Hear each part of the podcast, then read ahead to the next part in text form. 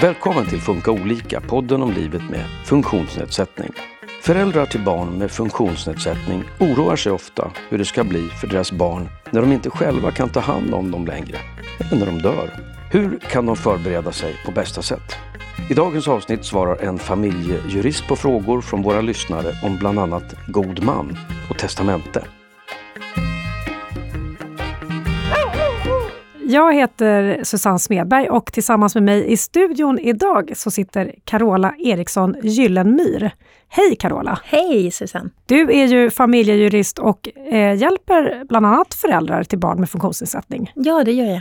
Vilken är den vanligaste frågan du får från dem? Är de oroliga över sina barns framtid? Ja, det skulle jag säga att många är och det är nog snarare så att istället för en fråga så är det nog just det där att de kommer till mig med en stor oro. Och så får man börja och nysta i hur ser situationen ut och att man tittar över vilka fler barn finns eventuellt, vad har man för egendom och hur kan vi lösa det? Så att man pratar igenom hela situationen. Och vad kan de tänka på då? Att man har förberett sig. Eh, om man själv är god man till exempel för sitt barn, att man börjar fundera lite granna eh, lite i förväg faktiskt för kanske vem som ska ta över det ansvaret och att man inte heller kanske håller kvar det formella ansvaret ända tills man själv går ur tiden, utan att man kanske försöker göra en, en generationsväxling lite tidigare. För att gardera sig att det blir bra då helt enkelt? Ja, att det kan bli en, en liksom mjuk övergång också. Att om det till exempel då är ett syskon till det funktionsnedsatta barnet som man vill ska överta som god man, att man har möjlighet att liksom landa den situationen i familjen och att det inte blir ett plötsligt ställningstagande som måste göras, för det brukar ju inte kanske vara bra för någon av de inblandade. Hur kan det se ut eh, om man är syskon? Brukar syskon vilja bli god män? Är det självklart att man ska bli det? Mm, inte självklart skulle jag säga, det där är nog en väldigt individuell fråga. Eh, det jag brukar råda föräldrar till när de kommer och har frågor av den här karaktären och att man tittar på familjebilden och ser att okej, okay, men här finns det eh, normalfungerande syskon och så har vi någon som har ett större hjälpbehov att man faktiskt sätter sig ner hela familjen som är in, involverade i det här och pratar om saker och ting, om hur man vill ha det och vad man kan tänka ställa upp på. Eller eh, om de andra syskonen kanske tycker att det är någon, någon helt utomstående som ska axla det här ansvaret istället. För det kan ju vara ett ansvar eh, av ekonomisk karaktär eh, naturligtvis, men det kanske också är en het potatis i familjen. Eh, för att den hjälpbehövande kanske faktiskt inte själv tycker att man behöver så mycket hjälp som man egentligen behöver, sett eh, objektivt. Eh, och då kan det för syskonens del kanske kännas bra att det är en utomstående som har det här ansvaret formellt, medan man själv kan mera uppträda som the good guys helt enkelt eh, och inte behöver då sätta ner foten åt sitt syskon och säga, ja, men det här får du inte göra, det här får du inte göra och liksom hantera, hantera pengarna. Idag ska vi gå igenom olika juridiska delar som man kan ta hjälp av om man är då förälder. Och när är det aktuellt att börja ta tag i de här delarna? Är det när barnet fyller 18 år? Ja, alltså rent formellt så är det ju då som barnet blir myndigt och du själv som förälder inte har ett juridiskt ansvar längre. Eh, men det är ju alltid bra att förbereda sig lite eh, strax innan det också naturligtvis. Och sen så vet man ju inte heller när man själv checkar ut. Eh, så att det kan väl vara bra att egentligen göra en översyn av situationen så snart som möjligt. Kan det vara olika när man behöver titta på de här delarna beroende på vad barnet har för funktionsnedsättning? Ja, det kan det absolut vara och det beror ju lite grann på eh, hur Eh, ja, men hur barnet agerar. Om det är så att, att man har ett barn som är eh, otroligt snällt och givmilt eh, och, och, kanske då faktiskt, om man får uttrycka sig så, lite lättlurad. Eh, då kan det ju uppstå en situation när barnet fyller 18 och man som förälder inte längre då har det här vårdnadshavaransvaret. Då kan den här situationen uppstå att man behöver skydda barnets tillgångar, eller det vuxna barnet då, eh, tillgångar genom till exempel god man. Eh, är det så att man behöver liksom gräva djupare i det där eller begränsa eh, den unga vuxnas eh, frihet avseende ekonomin ytterligare, då kan det också bli tal om att man behöver ha en förvaltare, som det kallas för. Och vad är skillnaden mellan förvaltare och god man? Mm, skillnaden däremellan är att båda utses ju av överförmyndaren eh, i kommunen. Eh, det ena är mer ingripande än det andra. Den gode mannen har eh, en rättshandlingsförmåga för sin huvudman, som det kallas för då, eh, parallellt med huvudmannen. Så huvudmannen får fortsatt plocka ut pengar från sitt konto och sådana saker. Och huvudmannen är i det här Ja, det är läget? då i det här läget den unga vuxna. Eh, men eh, om man då har en situation där barnet blir utnyttjad, eller så, då är det kanske direkt olämpligt och det gör det också väldigt svårt för den gode mannen att uppfylla sitt ut, eh, uppdrag. Och då kanske man behöver se över att, att begränsa då eh, ytterligare genom att utse en, en förvaltare. Det ska sägas att det är inte jättevanligt att det görs, för det anses ganska, eh, som en ganska inskränkande åtgärd. Då har personen inga rättigheter alls Nej, till sina egna tillgångar? Precis, då, då skär man av då rättshandlingsförmågan som det kallas för. Är det, handlar det här om eh, ekonomi bara, eller är det andra områden som Ja. kan bli inskränkta? Just det, det, det gäller ju, god man tar ju över och är det som en utomstående god man som tar över ansvaret då för eh, Jonas, säger vi, som är 18-19 år eh, och har en funktionsnedsättning och Jonas har båda sina föräldrar kvar, han kanske bor hemma hos dem eller att han flyttat till något eget boende. Då behöver den gode mannen oftast i sitt förordnande inte ombesörja någonting annat än just det ekonomiska ansvaret. Eh, Allting annat hanteras ju, liksom sociala kontakter och sånt, eh, hanteras ju av familjens nätverk. Även om man inte har liksom en, en juridisk skyldighet som förälder, så har man ju den här sociala familjefunktionen finns kvar. Sen finns det ju då eh, god man som utses för eh, äldre, väldigt ensamma personer till exempel, oaktat om man har en funktionsnedsättning eller inte. Det kanske handlar om en demens eller vad det nu kan vara. Då eh, kan det vara så att man får ett förordnande som god man, där man också ska sörja för personen, som det heter. Och det innebär ju också då att, att ja, men besöka personen och se till att, att man har det bra, utöver att, att man betalar räkningar och ser till att, att man får eh, bidrag som man har rätt till och att man får eh, ja, men stöd och kommer till sjukvård om det behövs och sådana saker. Någon som tar hand om eller till? Ja, precis. Tar hand om, om 100% av dig, inte bara det ekonomiska.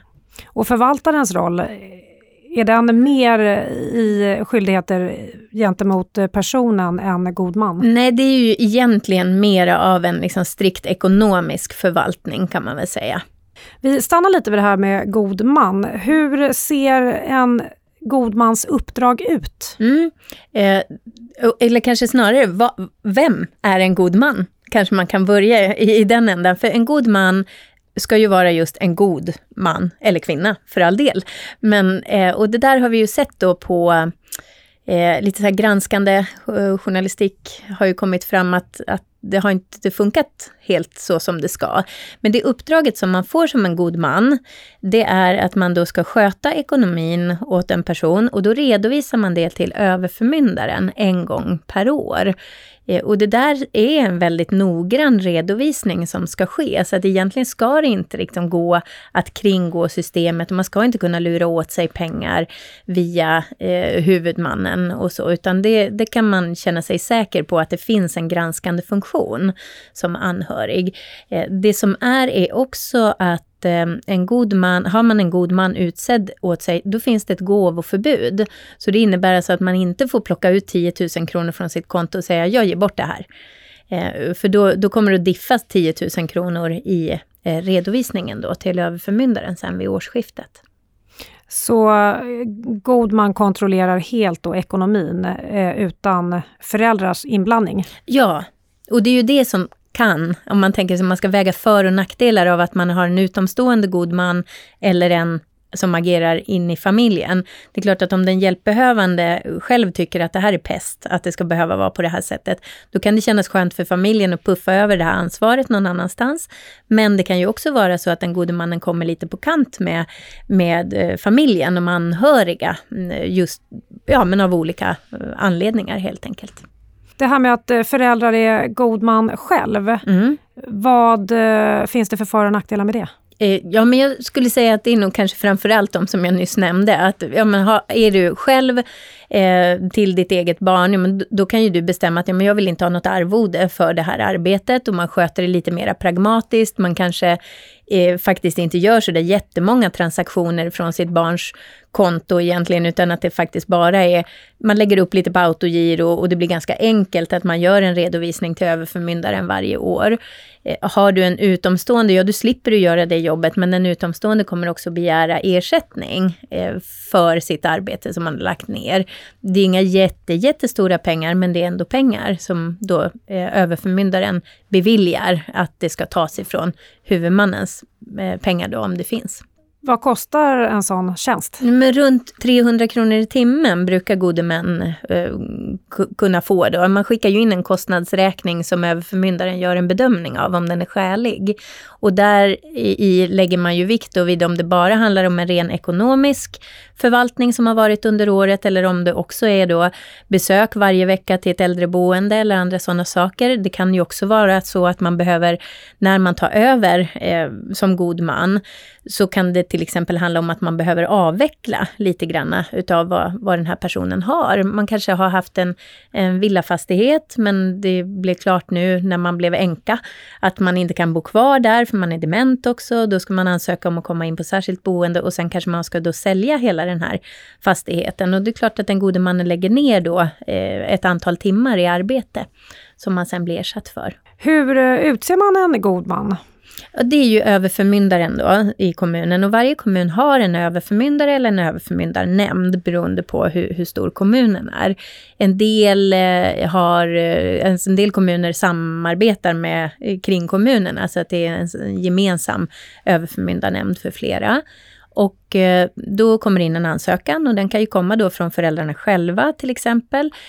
En alltså en ung vuxen, en över 18 år, kan ju själv ansöka om att men jag behöver en god man. Och man kan i sin ansökan föreslå eh, vem som ska utses som god man. Och föreslår man någon och den personen är tillfrågad och accepterar uppdraget, då brukar hanteringen av det hela gå lite fortare. Behöver man föreslå någon som är utbildad till god man? Nej, det är svårt att säga för utbildad, det är inte som att man är revisor och bara auktoriserad att man har liksom en stämpel på det. Utan det är klart att det finns, det finns godmansföreningar eh, runt om i olika kommuner där eh, vem som helst då får liksom ansöka och säga men jag är intresserad av, så man vänder sig till kommunen och säger men jag är intresserad av att finnas med på er lista över gode män. Och det är klart att det ska ju vara någon som, eh, som har eh, man får säga så lite koll på läget helt enkelt i ekonomiska termer och så. Och det är vanligt att det är pensionerade eh, som har tid över i sitt schema att kunna ta sådana uppdrag där man också då kan sörja för person, som det heter. Att man åker och hälsar på någon och hjälper till och kanske ledsagar på något besök hos ögonläkaren eller vad det kan vara för någonting. Eh, men också att man har liksom, att man fixar det här med räkenskaperna mm, och hålla i, i tåtarna på ekonomin. Jag antar att det här är en sån här bra grej att förbereda sig medan man eh, fortfarande är kvar i livet. Att eh, hitta en god man som eh, känns bra för sitt barn.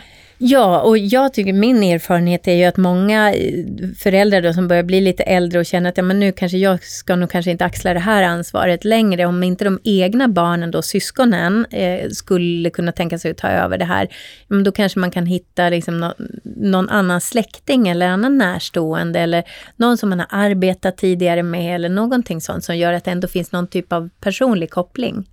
Och om man vill bli av med en god man, går det? Ja, det är lite svårare skulle jag säga, men det, det finns möjligheter och då får man ju då får man starta en, en rättslig prövning kring eh, ett upphävande av förordnandet i så fall.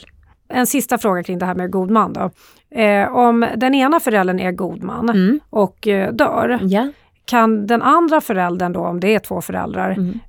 utse en ny god man eller hamnar då godmanskapet hos någon annan? Det blir ju så alltid att eh, ett godmanskap, om, om du är god man för någon och så avlider du, ja men då, då kan du inte fullgöra dina uppgifter och det är ingenting som går vidare till ditt dödsbo heller, att dödsboet ska fortsätta utföra de här uppgifterna. Och, och då står ju den här personen utan god man och då får man ju utse en ersättare helt enkelt. Och är det så att, att den andra föräldern då har en tanke i det om vem det är som ska utses ses, eh, då lyssnar ju överförmyndaren på det naturligtvis.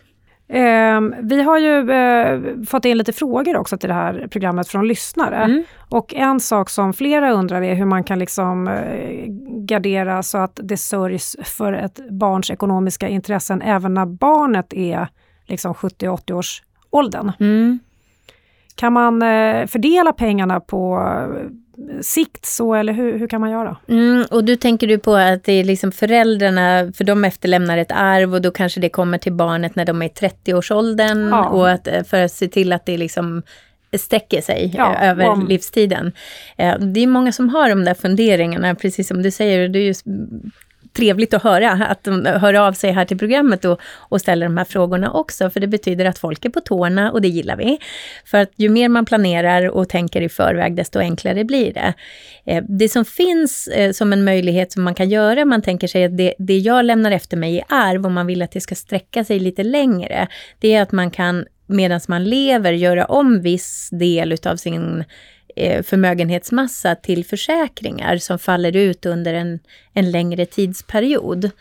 Eh, det skulle jag nog säga är liksom det säkraste. Och alternativet är ju att man själv skriver ett testamente där man väljer att fördela saker på, på, på ett sätt som, som annars inte följer av lagen. Och det som följer av lagen är ju annars då att det ja, tillfaller dina bröstarvingar, de får ut allting med detsamma egentligen så fort dödsboet är avvecklat. Är det banken som hjälper till med sådana här försäkringar eller? Eh, ja, bank eller försäkringsbolag eh, är väl det bästa egentligen. Eh, och det man kanske kan lämna som ett, ett litet medskick där också, det är väl att sondera terrängen lite grann. För det här är ju en, en produkt som bank eller försäkringsbolag säljer naturligtvis. Så det är klart att det finns olika villkor och olika kostnadsbilder på de produkterna. Om vi fortsätter lite där med arv och testamente. Eh, hur eh, kan frågan kring arv påverkas om man har ett barn med funktionsnedsättning? Mm. Är det något speciellt man kan behöva tänka på där? Jag tänker att eh, den vanligaste situationen som människor har frågor kring just i, i, en sån här familjesituation också. Det rör ju då om man har en fast egendom eller en fritidsfastighet och så. Man tänker sig då att den ska tillfalla de barn som har förmågan kanske att förvalta den här fastigheten vidare. Och, och då vill man kanske se över då hur man ska uh, rikta sitt arv och kanske skriva in i testamentet att man vill att det är barn uh, A och C uh, som då på sin lott ska få den här fastigheten. Och inte barn C, för att barn C kanske då ska kompenseras med, med kontanta medel istället, för att det är det som, som den personen bättre kan tillgodogöra sig. Och det är nog klokt att tänka i de termerna också, för att har man tre stycken barn då, varav en är, är, eh, funktionsnedsatt och man sätter dem att det blir arvskifte, att de ska tillskiftas då varsin andel av fastigheten. Eh, det kan innebära lite problematik i det senare ledet att man ska sälja. För är det så att en, en person som inte då själv kan agera som, som säljare, då måste man i vart fall sätta in en god man just för försäljningen. Och är det så att ett av syskonen är ehm, eh, god man så kanske man ändå behöver ha ytterligare en god man just för den här specifika försäljningssituationen. Så det främsta rådet, utan att tala egen sak, då, jag jobbar ju ändå med de här sakerna, att man försöker hjälpa personer i förebyggande syfte, men det är nog just det där att man faktiskt förebyggande tar sig tiden att okej, okay, vi går igenom vår situation och kollar lite granna. Eh, och då börjar man att dra i trådarna och landa liksom i att, ja men vad är det, vad är det som blir bäst för just oss? Och kanske lite grann också vilka eh, svårigheter är det som kan uppstå på mm. vägen? Ja, Sebastian eh, har skickat in, en fråga som gäller en familj med flera barn. Mm. Och det är, eh, frågan lyder så här. Ett av våra barn fungerar bra, ett har en svår funktionsnedsättning. Har du några goda råd kring hur vi ska planera framåt? Kan man göra skillnad på barnen när det gäller arv och testamente? Till exempel att man ger det barn som fungerar bra ett e-, större ekonomiskt bidrag. Mm. Eh, man kan skikta mellan sina bröstarvingar, som det kallas för när det handlar om barnen. Eh, så kan man skikta, för varje bröstarvinge har rätt till, enligt lag, till någonting som kallas för laglott. Om man tänker sig en situation att man har två barn, så är ju då arvet, arvslotten, är barnens, eh, det de har rätt till enligt lag om man inte har skrivit någonting annat. Då blir det hälften var, det är 50 procent. Laglotten är hälften utav det, alltså då i en familj med två barn 25 25 procent. Och den 25 procenten som blir över då i den här, eh, när man dragit bort laglotten, de kan man lägga till Cancerfonden, man kan lägga dem till Världsnaturfonden eller man kan lägga dem till det andra barnet. Eller barnbarn, eller någon syster, eller vad det nu kan vara. Eh, så det finns alltså en möjlighet i en familj med två barn att man skulle kunna skikta 25-75 mellan då, eh, två barn. Har du tre barn, ja men då är det en sjättedel, hälften av en tredjedel, som är reserverat så som laglott. Så mindre än så kan man inte lämna till en bröstarvinge oaktat vad barnet har för egen kapacitet egentligen. Eh, vill man då planera på sikt, liksom innan och speciellt kanske om man bor i storstadsområde eller ute vid kusterna och har tillgång till en fritidsfastighet eh, som ligger liksom i kustbandet så kan det ju handla om ganska stora pengar som ska eh, fördelas. Eh, och då finns det ju möjlighet att man kan göra som ett förtida generationsskifte och eh, ge gåva i så fall till andra barn och att man skriver in att, att det inte ska räknas som förskott på arv. Eh, där är det också viktigt att man ser över hela um, situationen och, och räknar lite grann på vilka belopp det rör sig om, för man får faktiskt inte ge bort för mycket heller i förtid. Så då gör man det här utanför testamentet, man gör det alltså innan? Skriver ja, över egendom som, Ja, precis. Att man gör det som gåvor och att man där tar ställning till att det inte ska vara förskott på arv till de andra barnen. Då har man nog skapat en situation som i vart fall underlättar då för Eh, för de andra barnen, tänker jag. Eh, och sen återigen, det är sånt som kanske ligger lite utanför juridiken, men just det här eh, liksom, sociala som ligger runt omkring, att man som förälder faktiskt vågar också lyfta på den här filten och säga, ja men så här har vi tänkt, men det är ändå viktigt, alltså, våran tanke är ju att ni också ska fortsätta ta hand om Eh, den här personen och se till att den personen får komma ut till landet och ha det bra och eh, ja, andra sådana saker. Så att man har diskuterat de sakerna som man faktiskt inte kan sätta någon, ska man säga, man kan inte sätta någon juridisk tvingande prägel på det, men däremot så kan man ju ändå ratta in den här moraliska och emotionella kompassen lite granna med ett sådant samtal. Och i de fall där man lever i bonusfamilj med ingifta barn, hur uh, tänker man där? Ja, eller ingifta eller du tänker så här barn sedan tidigare? Kan vara så. Ja, både mm. och. Tänk, mm. så. Jo, men för ingifta, det blir det ju liksom i, i de flesta familjer vad det lider med att det kommer respektive som tänker en det ena, en det andra. Och då kan det vara klokt att man skriver i sitt testamente att det vi lämnar efter oss till våra barn, det ska vara deras enskilda egendom, kallas det för. Och det innebär att Barnen har ingen skyldighet att i en eventuell separation eller skilsmässa putta in den här egendomen i en bodelning, utan de får behålla det liksom i sin ask. Eh, om vi annars då pratar om om bonusfamiljen så som i att man har barn från ett annat äktenskap än det man avslutar med livet. Eh, då kallas det för så kallade särkullbarn.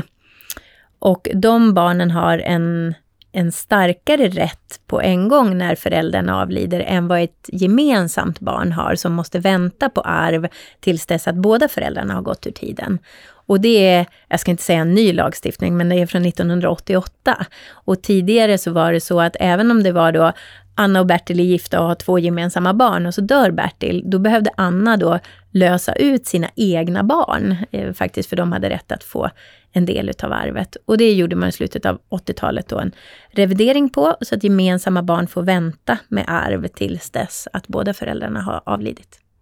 Och det kan man alltså eh, ändra på i sitt testamente? Ja, man kan i vart fall justera det en liten bit.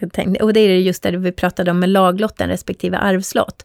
Har du två gemensamma barn och så har en utav makarna ett barn sedan innan, då är det särkullbarn. Och så dör den här maken som har ett särkullbarn, då har den personen tre barn som är arvingar.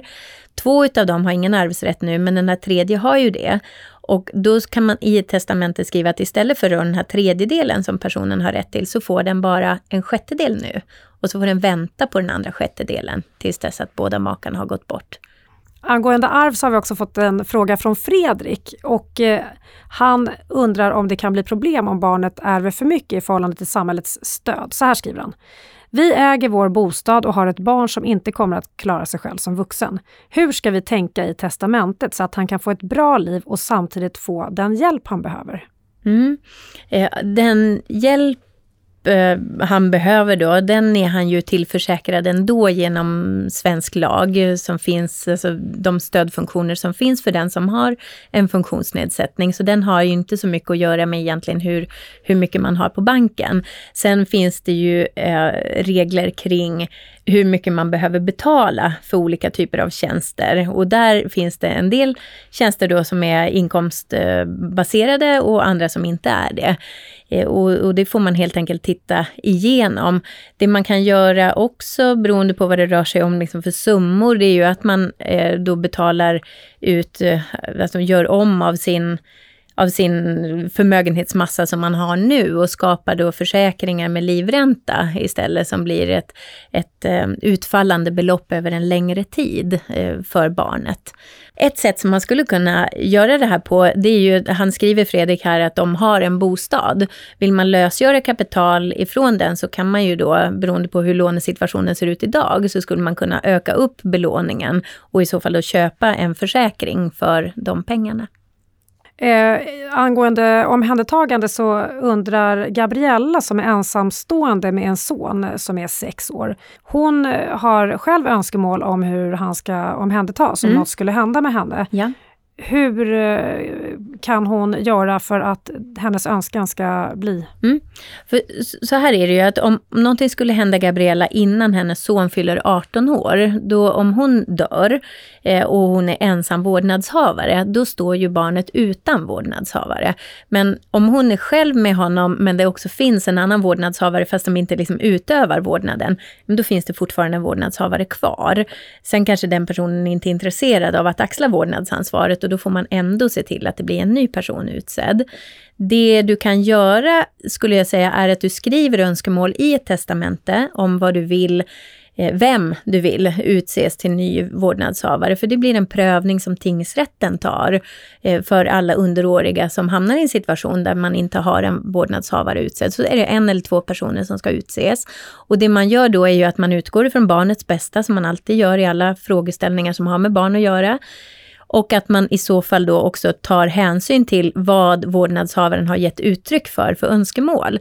Som Gabriella skriver i sitt testamente att hon vill att det är hennes syster, si och så, eh, som tar hand om det här barnet, om det skulle vara så att hon går ur tiden innan han är 18 då eh, rättar sig tingsrätten i sitt beslut efter det, om det verkar lämpligt. Sen kan det ju ha tillstött saker under tidens gång som gör att hennes syster kanske inte har den möjligheten nu och då kanske man får titta på en annan lösning. Men det väger tungt, eh, de önskemålen man ger uttryck för.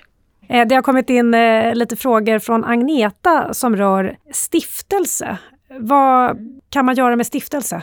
Ja, stiftelse är eh, en rättslig figur eh, helt enkelt. Och det där förekom mycket förr i tiden skulle jag säga.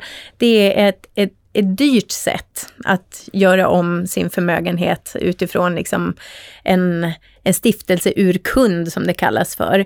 Eh, jag skulle absolut avråda ifrån det där och eh, det finns många som har skrivit i sina testamenten att man vill att det ska skapas en stiftelse si och så. Och när man börjar räkna ihop då hur mycket som finns i tillgångar så kanske det handlar om 4-5 miljoner som är jättemycket pengar naturligtvis. Men det är inte tillräckligt mycket pengar för att skapa en stiftelse för det blir för dyrt i förhållande till vad som ska delas ut.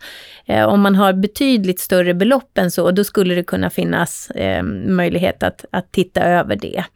Eh, och i så fall då skapa, men då måste man ju ha en, en tanke med vad stiftelsen ska, eh, ska lända till för någonting och vad man vill göra med stiftelsen. Så om jag förstår det rätt då, då har man en stiftelse och därigenom går pengar till då ja, en person?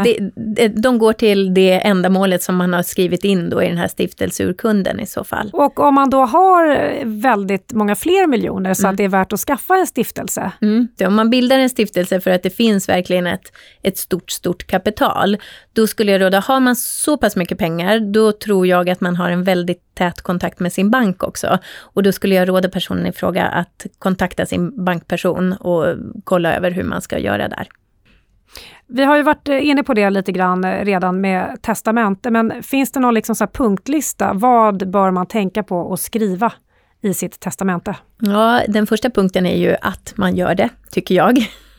Faktiskt, för att det, det finns mycket klokt som man kan få med i testamentet. Bland annat då att egendomen som barnen ärver ska vara deras enskilda egendom. Och då är vi lite inne på det här Eh, perspektivet igen att man vill skydda alla sina barn, de som fungerar bra och de som har en funktionsnedsättning. Men framförallt så vill man ju inte att någon ska bli lurad till ett äktenskap och att man därigenom tre veckor senare säger att nej men nu skiljer jag mig och att jag skiljer åt mig eh, x antal kronor då genom en bodelning. Och därför är det klokt att man har ett testamente där man har skrivit då att eh, det ska vara barnens enskilda egendom, det de får i arv. Eh, och sedan så kan man också i testamentet, som vi redan har varit inne på, att man kan skikta lite grann och bestämma eh, vilka särskilda saker som ska gå till vilka särskilda personer. Och kanske de allra flesta tänker jag, i vart fall de som jag har varit i kontakt med, har haft önskemålet om att den personen som har en funktionsnedsättning kanske faktiskt i största utsträckning har nytta av kontanta medel istället för eh, saker och ting. Eh, om man nu skriver testamente, mm. kan man vara helt säker på att eh, ens önskan som skrivs där verkligen genomförs? Ja, om, om man vet vad man skriver, tänkte jag säga. Alltså, du kan inte, om du har tre barn och person A inte ska få någonting, tycker man själv, utan man skriver allting till person B och C, då blir det inte så. För att person A har rätt till den här laglotten som vi har pratat om och det är om du har tre barn så är det en sjättedel. Om det är ett barn med en funktionsnedsättning och de andra barnen ska ärva allting, då kan ju de andra barnen kan inte föra talan för det här barnet då i, i en dödsboavveckling, utan då måste man utse ytterligare en god man som har då eh, att ta, va, ta tillvara eh, det funktionsnedsatta barnets intressen under den här dödsboavvecklingen. Och den personen får inte godkänna ett testamente som helt utesluter, utan man måste i vart fall begära då att få ut laglotten. Eh, och, att man liksom skiktar det på det sättet. Är det så att det finns en person involverad i ett dödsbo som har en god man redan och eh, om den personen kan fortsätta vara god man eller om man behöver utse en ny god man på grund av att det blir jäv inom dödsboet. Att ett så, syskon är Ja, god man, om ett syskon är det, för då blir det att syskonet hamnar lite på två stolar. Och uh, det man behöver göra då, det är att när man har gjort bouppteckningen om man ska göra ett arvskifte så måste det arvskiftet skickas in till överförmyndaren. För överförmyndaren måste godkänna det. Eh, så den gode mannen får liksom inte sprattla iväg och, och, säga att ja, men jag godkänner det här, ta ni sommarstugan och allting, utan det måste godkännas av eh, överförmyndaren. Och samma sak gäller om det finns ett barn som är under 18 år, som eh, också då sambor till exempel, där barnet ärver, man kanske har skrivit testamente att min sambo ska ärva mig Eh, fullt ut. Men barnet måste ju också ha sin laglott och då är ju sambon är barnets andra förälder, men sitter då på två stolar kan man säga, så då behöver man också utse en god man och att överförmyndaren godkänner ett sådant skifte. Och det här sker automatiskt i eh, fall av eh, död och eh, att det finns ett testamente? Ja, in, det är få saker som sker automatiskt tänkte jag säga faktiskt. Lite sådär skämtsamt får man väl säga det. Men, men så här är det att det första som händer i ett dödsbo, det är att man måste göra en bouppteckning. Och bouppteckningen, den är legitimationshandlingen för ja, vilka är det som företräder dödsboet. Och den registreras av Skatteverket. Om man inte har förstått det själv och skickar in sin handling här till Skatteverket, då kommer Skatteverket i vart fall att säga stopp och belägg, ni behöver faktiskt utse en god man här för den här personen. Eh, så att det finns en kontrollfunktion där innan. Eh, nu har vi pratat mycket om ekonomi när det gäller mm. testamente. Kan man testamentera andra saker eh, som social omvårdnad? Oh, den där, det, är en svår, eh, det är en svår fråga, för det där är ju ingenting... Det du kan testamentera över, det är ju det du har och äger.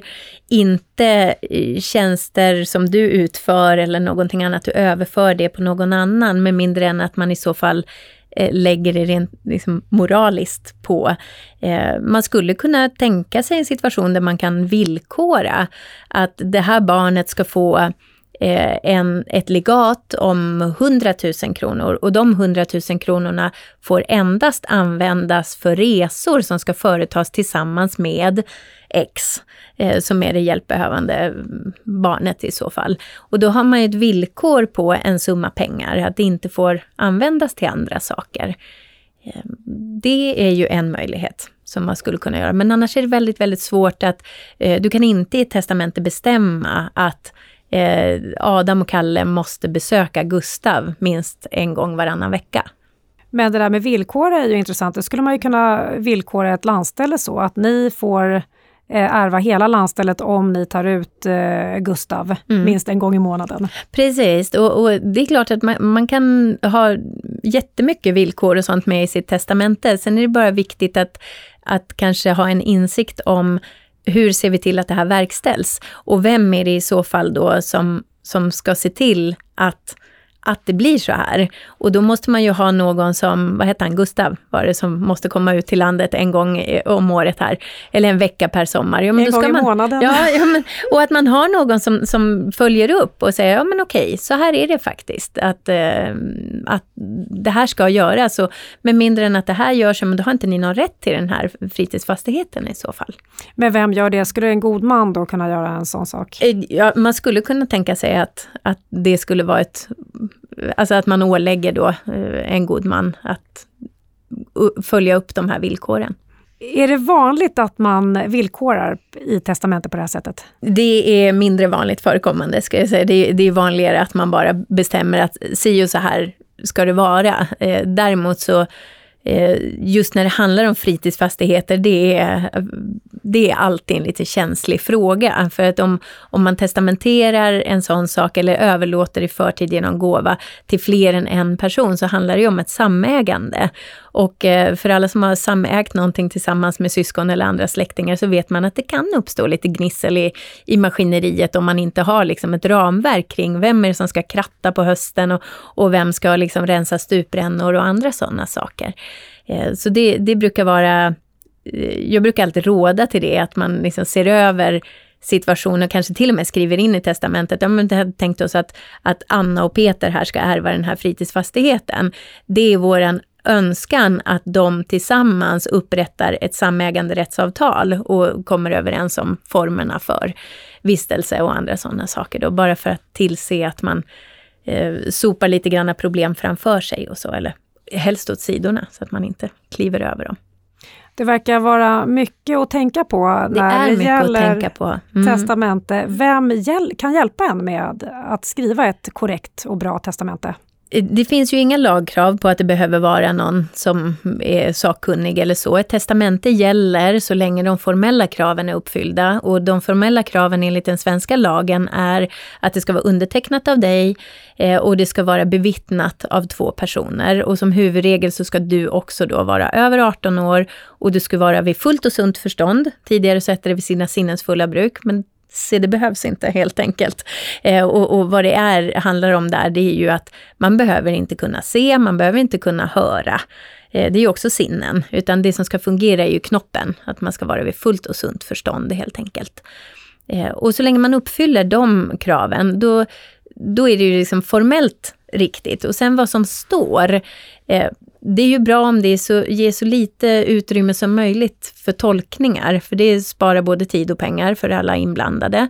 Eh, och där skulle jag väl helst vilja liksom höja ett litet varningens finger för att, att eh, pillra för mycket själv helt enkelt. För att det, det kan vara bra att man har stött och blött det med någon som som har stor erfarenhet inom området. Och då är det ju jurist, advokat med familjerättslig eh, specialistinriktning skulle jag säga för att få den bästa hjälpen. Och där säger jag stort tack till dig Carola Eriksson Gyllenmyr, familjejurist. Ja men tack själva. Du har lyssnat på Funka olika, en podd från Habilitering och hälsa som är en del av Region Stockholm. Det här var det sista programmet i den här serien om döden. Nu tar vi paus över sommaren och nästa gång du hör från oss pratar vi om hur autism och ADHD påverkar ens relation och partner. Vi hörs då!